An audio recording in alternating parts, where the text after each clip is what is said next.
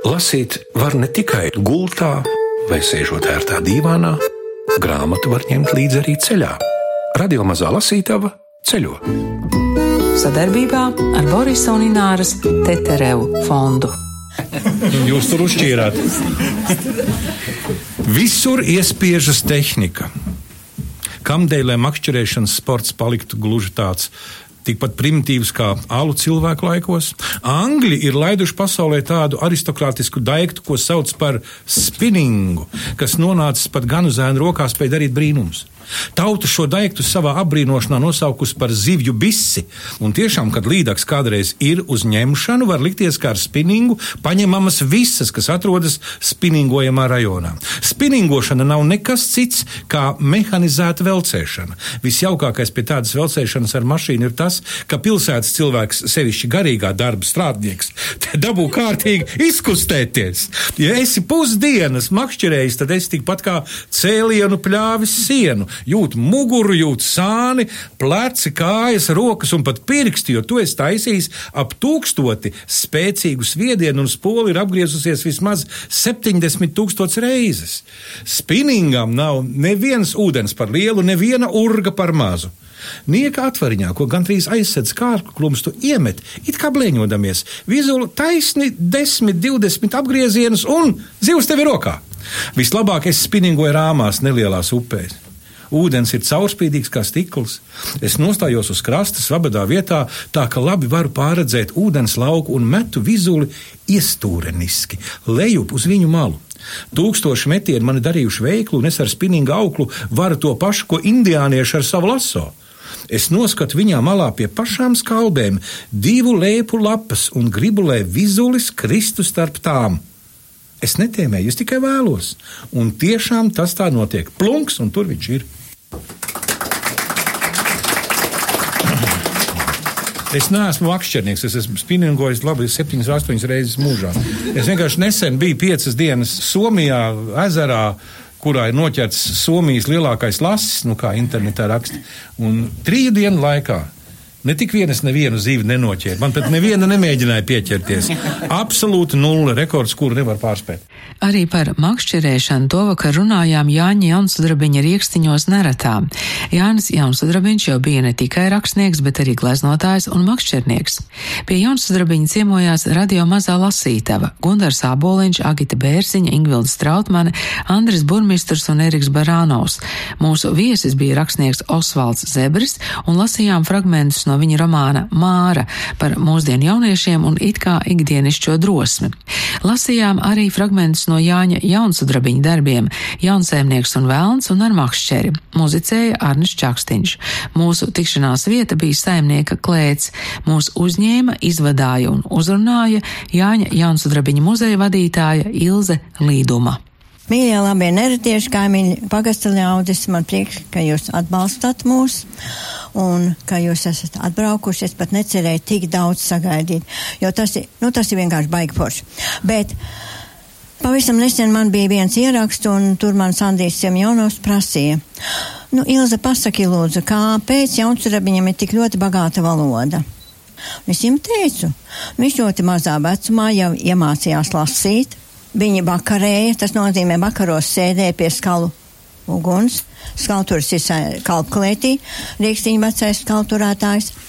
Un tur vai nu runāja dažādas teikas, pasakas, vai Jānis lasīja grāmatas.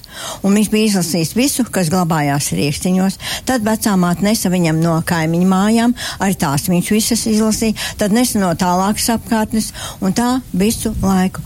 Un tad lūk no šīs grāmatu lasīšanas cilvēkam bija tā lielā vārdu bagātība.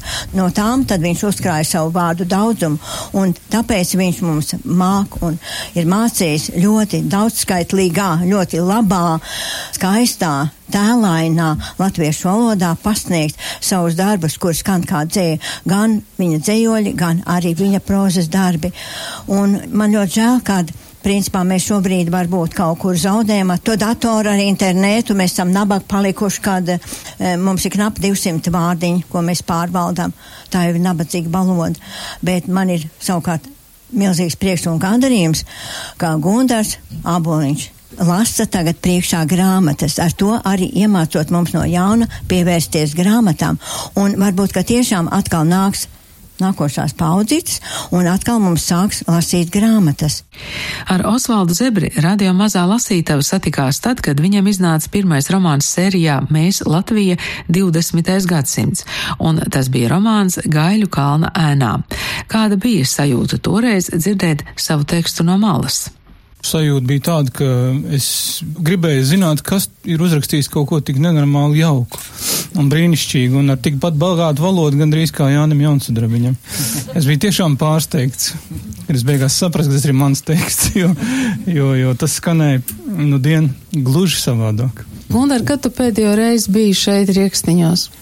Precīzi pateikšu, 2003. gada vasarā Mēs bijām atbraukuši kopā ar ģimeni, ar manu brāli un vēl dažiem tuviniekiem. Un uh, pats galvenais mums līdz bija mamma, kurai Jauns Udrabiņš ir mīļākais rakstnieks. Mēs paviesojāmies gan skolā, gan kapsētā, kur ne tikai viņš guļ, bet tur arī vēl Pētrīts ir un, un arī citi Baltās grāmatas varoņi. Un arī šeit mēs bijām un baznīcā bijām. Un mamma gribēja būt tais vietās, kas ir Baltajā grāmatā rakstīts, jo viņai arī bija tāda radošā programma pēc Jaunsudrabiņa Baltās grāmatas stāstiem. Tā, tas bija tāds jubilejas pasākums. Tas bija 2003. gadā. Jā, es uzreiz 450 lapas pusē. Uzreiz sāc ar 450. No. Bet jūs jutīsiet, ka tas ir tieši tāpat kā mūsdienās. Rīga rāvās čokurā. Savu bērnību aušību laikmetu valsts bija pārdzīvojusi. Nu, viņa atradās tādā vecumā, kad sāka patikt dēku romāni un fantastika. Baumas, ka tiks atlaistas no vietām sievas, kur vīri pelna labu algu, un otrādi noveda daudzus pārus pie šķiršanās. Vai nu tāda šķiršanās bija patiesa vai fiktīva, sava daļa romantikas tur piemita katrā gadījumā, un tie vairs nebija vīrs un sieva, kas bija šķirti. Tas bija tāds sava veida bada streiks, kaut gan daudz mazāk ass, jo šķiršanās tagad vispār piederēja pie labā toņa. Ērmīgs un galīgi neinteresants likās tāds subjekts, kas savā mūžā nebija nereiz šķīries. Ļaudis metās uz kino kā negudri, bet teātrī lāpīja dekorācijas un tikko vilka elpu.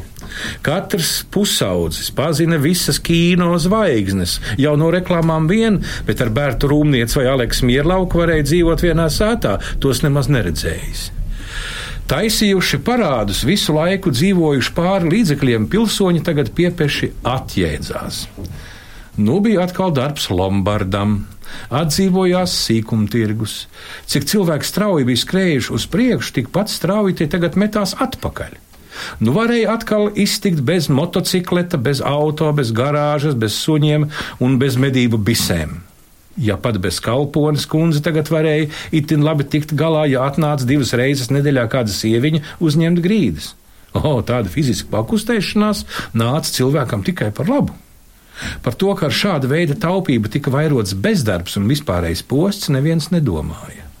Bez galvas metās no viena ekstrēma otrā.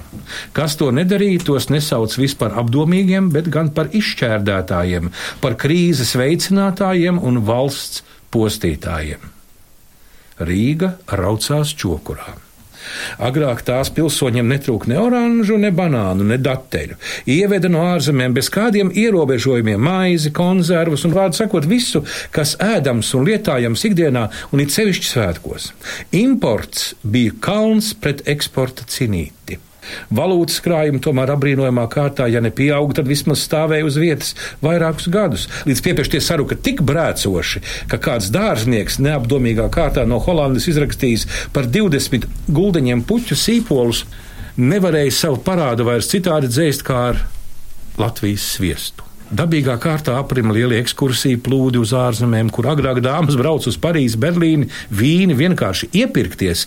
Tur tagad valūtas trūkuma labad vajadzēja izpalikt pat zinātnieku un mākslinieku studiju ceļojumiem. Lielāki izbraukumi uz ārzemēm nemaz vairs nenotika. Tagad laiks bija apbrīnot pašiem savu zemi, savu brīnišķīgo jūrmalu, savus pakalnus, skaistās upes un ezerus, sevišķi Latgalē. Nu jau Latvija bija tik skaista kļuvusi, ka to varēja ieteikt pat ārzemniekiem kā turisma zemi. Kur citur Eiropā vairs varēja tā piekopt makšķerēšanas sportu kā Latvijā? Tur jau vairs retu asaku izvilka ar tīkliem. Latvijas saimnieciskā dzīve labi neturējās uz kājām, bet viņa vēl arī negāzās. Fabrikas un darbnīcas nīkuļoja, atlaida strādniekus, tad it kā apdomājās un atkal ņēma atpakaļ. Tekstilu fabrikas šad un tad izšāva tirgū partijas dažādu audumu par ārkārtīgi zemām cenām, vienīgi lai atdabūtu daļu no ieguldītā kapitāla un gūtu līdzekļus tālākai darbībai. Tiešām tādas izpārdošanas kaut ko deva tikai vēlāk par pilnām cenām grūti bija ko pārdot. Ļaudis gaidīja jaunu izpārdošanu. Viņi varēja gaidīt, jo bija sapirkušies vairāk nekā vajadzīgs. Plikums nevienam nemācās virsū. Interesanti bija vērot, kā Rīga cīnījās ar bezdarbu. Tur notika sēdes un apspriedes. Lēmumi bija tādi un šitādi. Jau oktobrī bezdarba posts bija kliedzošs, un pret to bija spērjami soļi bez kavēšanās bet kas būtu šai krīzes brīdī iegrimis letarģijā un martā pamodies, tas nebūtu redzējis nekādas starpības starp vakardienas un šīs dienas lēmumiem. Līdz kaut kādai rīcībai vēl nebija tikts. Tikai kāds brīnums bija šos tūkstošus cilvēku iznesis cauri ziemas bardzībai.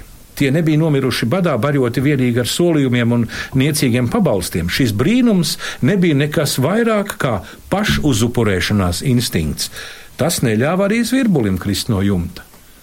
Rīga raucās čokurā, un tā kā Rīga bija galvaspilsēta, tad līdz ar to arī valstī draudēja briesmas. Tikai vēl tās šķita tālu. Neviens neķērās ne pie veclaicīgiem, ne moderniem ieročiem. Imanta reizi zemi sadarbinājusi un apgriezies uz otriem sāniem, varēja līdz turpmākam mierīgi dusēt. Mēs tiekamies augustā mēnesī kurā mēs ļoti daudz dzirdam un vēl vairāk dzirdēsim un redzēsim atmiņas par Baltijas ceļu un citiem 88, 89, 90, 91 gada notikumiem, neatkarības atgūšanu. Un es pārlasot Daņa Īvāna kādreiz rakstītu esēju par to laiku, ar tādu patīkamu izbrīnu un pārsteigumu atklāja, ka viņš eh, šajā 90. gadu sākumu Latvijas atmodā saskata 1905. gada paralēlus.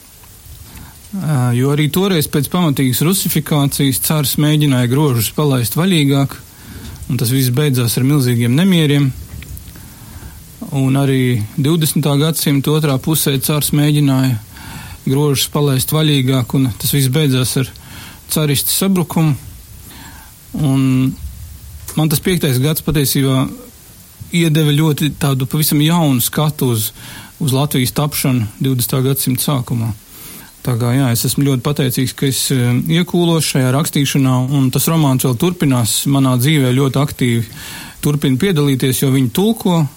Nu, viņš jau ir iztulkots un izdots bulgāru valodā, e, serbu valodā, ungāru, un tagad būs itāļu tulkojums un franču. Tā kā jā, tas e, viņam mūžs ir izrādījies neticami garš un bagātīgs esam neretā Jāņa Jaunsudrabiņa riekstiņos. Osvaldam Zebrim jautāju, vai Māra romāns par mūsdienu jauniešiem ir pilnīgi no citas operas nekā Gaiļu kalna ēnā. Māra ir stāsts par mūsdienu Rīgu, par uh, vidusskolēniem, un izklausās, ka stāsts ir pavisam, pavisam, kā tu teici, no citas operas, bet patiesībā opera ir tā pati. Operā ir mainīta scenogrāfija, ir cits cēliens operā vai cita operas daļa, bet opera ir par drosmi un gļēvumu. Tas tā nebija iecerēts. Kad es rakstīju Gaļu kalnu, man nu, bija trīs tādi pamat izziņas avoti par piekto gadu, jo ne ar vienu cilvēku parunāt nevarēju, kas to būtu pieredzējis. Tie izziņas avoti bija dienas grāmatas, tā laika preses, publikācijas un literatūra rakstnieki, kas pirms manis ir rakstījuši par piekto gadu teiksim, tā, tur bija atainoti tā laika notikumi, bet bija diezgan maz tādas cilvēku psiholoģiski, varbūt tādu psiholoģisku vai emocionālu pārdzīvojumu par to laiku. Un tāpēc es savu romānu centrēju tieši ap to, un priekšplānā izvirzījās, teiksim, tā gļēvuma problēma. Mans galvenais varonis stāstā par piekto gadu ir tāds cilvēks, kas nevar saņemties tad, kad to vajadzētu izdarīt. Un tad, kad es biju pusceļā ar Māru, tad stāstu par šodienas Rīgu un vidusskolēniem, Tad es sapratu, ka es turpinu to pašu. Es tā nebiju iecerējis, bet acīm redzot, tā problemātika šķita gan būtiska. Un Māra man ir cilvēks, kas var saņemties. Tā kā operas otrā daļa ir ar citām bildēm un citiem kostīmiem, bet dziedājumi turpinās par drosmi un gļēvumu. Māra un Vēlis. Ceturtdienas rīts atnāk ar gāzienu. Rībina pa bleķa palodzi, lielāks šļaksti no aizlūzušas notakt caurules, plīkšķus, slapjas, cietas zemes. Vai tiešām upe šodien iegriezīs mani atvarā un samals? Caur aizkaru iesūcas kāds nieks, švakaras gaismas, bet ar to ir gana, lai no rakstām galda man viens piešmiegtu ar spožu zilo aci. Klaidoņa Džo poga, viņš sveicina mani, ir tomēr kāds, kam nav viena alga. Vēl mirklis un būs jāsāk šī diena, jākāpj upē, jābrien vienai pašai. Bet pagaidām es paglābjos, izraugos stāstu par drosmīgu Māru un Paulu ar apmetni, Es izraugos. No paura dziļumiem viens izķeksē nepilnīgas ainas, piekrāso, ievelk pa kādai jaunai kontūrai, liek aizvērties acīm, un tad es to atkal redzu. Dzied melns strasts, uz kakla krīt mīļās saulītes stari, silda, bezvējš. Mēs abi snājam no skolas uz mājām. Šodien es atkal pavadu Paulu gandrīz līdz pašām durvīm. Nav bijis norunāts, tā ir iegājies. Mūsu abi vecāki man uzticas. Man allaž kāds ir uzticējies, tas ir bijis pasmaks nesamais. Raugu iedrošināt Paulu saņemties un reiz nostāties pretī diviem nejaucēniem, kas viņam uzsādušies uz kakla un neatlaižas. Tādi attopas tikai tad, ja dabūs sajust pretspēku. Kad viņš nāk klāt, tu pagriez muguru, un tad šitā ar kāju uz atpakaļ es rādu spēriem. Saproti? Mans tēvs parādīja, viņš kādreiz trenējās karatē. Tu zini, kas ir karatē? Nē, tas mātiņš, kurš eh, cep un vāra. Pauls no kabatas izķeksē baltu drēbīti un rūpīgi slauka brilles. Paga, kur vēlāk pazuda viņa brilles? Viņš būtu pārgājis uz lēcām, bet kā tad es par to neko nezinu? Taču nē, tas ir ēdienu karatē. Bet es runāju par to, kur cīnās, kur, kur iemācās kā ar diviem sitieniem uzvarēt visus. Kā tas ir, kā to dara? Nu, es taču tev rādu, bet tu skaties. Esmu uzmetus lūpu un rādu, ka iešu tālāk viena. Tā arī paliks par mūžīgu boksamaisu viņiem. Nu, cik es varu tevi aizstāvēt? Pauls ir apstājies, bet es labi dzirdu viņa balsi. Apkārt ir kluss, nekādi ūdens plīkšķi mani netraucē es pats varu, man ir, es esmu atradis paslēpni. Ko? Es pagriežos atpakaļ, bet neredzu viņu. Balss skan kaut kur no malas, it kā neredzams kalns būtu iesprācies starp mums. Mans mīļais atmiņu vēlis taisa savus vēla kumēdiņus. Skaidrs, ka tas nu ir viņa paša iekomponēts striepieniņš, tā teikt, lai atmiņa paliek tāda, kur bilde klapē ar skaņu. Klusāk, Jā, ja es to uzvelku, uzreiz kļūstu neredzams. Viņš nāk man tuvāk, mēs atkal ejam kopā, un Pauls atkal ir Pauls, ne tikai balss aiz kalniem. Oh, nu, beidz, nu kā tāds bēbis, mēs neesam cūku kārpā, mēs esam reālā pasaulē. Rīt es pierādīšu. Viņš ir tuvu raudāšanai. Es neciešu viņa bimbāšanu ik reizi, kad kaut kas nenotiek pēc viņa prāta. Kad viņš tas muļķis sāk savu grūstīšanos, es palikšu neredzams. Nu, pamēģini gan, tas tev patiešām palīdzētu. Es apstājos, jo esam jau pie pagrieziena. Līdz durvīm taču tu tiks viens pats, jā? Ja? Viņš atmeta roku un aiziet, neatvadījies. Kas bija tālāk? Jā, es biju rīkojusies kā cūka, taču kopš tās dienas mēs kļuvām par īstiem draugiem. Var jau būt, ka tā bija kāda cita diena, taču sīkais mana paura gariņš ir ievilcis tieši šādu švīku, un tā ir uz palikšanu. Otrā dienā pēc pusdienlaika viņa gaidīja Paulu skolas vecā korpusa gaitenī. Kas man bija raustījis aiz garās mēlis? Nu, un kā tad tu mums sadosi, ko? Tava brūce solīja, ka tu rādīšot īsts poteru brīnums. Nu, aiziet, mēs gaidām, un ķeries pie zišļiem un, un buram vārdiem. Garākais no abiem šķiet viņu sauc Armāns. Groza pirkstos Paula brīlis un tad graciozi nometās sev pie kājām. Paula aiziet, parāda taču viņam, ko solīja. Es saucu, saprotot, ka viss aizgājis totāli greizi, ka mana plātīšanās par Paula īpašajām spējām ir izaugusi no pārāk lielas vēlēšanās piedzīvot brīnumu, taču tas tomēr notiek. Jā, klausi, Māriņa, parāda mums burvi mētelīt un cepurīt ar mēnestiņiem. Nu, sadod, sadod sliktajām puikām. Ha. Garais ievelk Paulam pa vēderu, otrs tusnis, kur vārdu mans atmiņas vēl piegādāt atsakās, iegrūž Paulam mugurā celi, abi riebekļi soli atkāpjas, pamet skatu visapkārt, tad tumšā gaiteņa pašā galā neviena nav. Pauls lēnām atver mugursomu, izvelk pelēcīgu pledu un apklājas sevi ar to. Viņš pietupstas, pavelk arī mugureni zem segas, pustumsā izskatās, ka skolas gaitenī iesnaudies paliels suns. Tu ko tiešām domā, ka tagad esi neredzams? Jāņa Jaunsudrabiņa un Osvalda Zebra darbu fragmentus neretas riekstiņos lasīja Gundars Āboliņš, viesus uzņēma muzeja vadītāja Ilze Līduma. Šovasar radio mazā lasītava ceļoja, tervetē pie brigadēras un neretā pie Jaunsudrabiņa. Vēl tikai jautājums, vai, ko un kam mūsdienās cilvēki lasa priekšā. Nu, galvenokārt tās ir pasakas bērniem, bērnu paziņas. Tās ir grāmatas, kas saglabājušās no manas bērnības. Diega biksis un herbe lielo cepuri.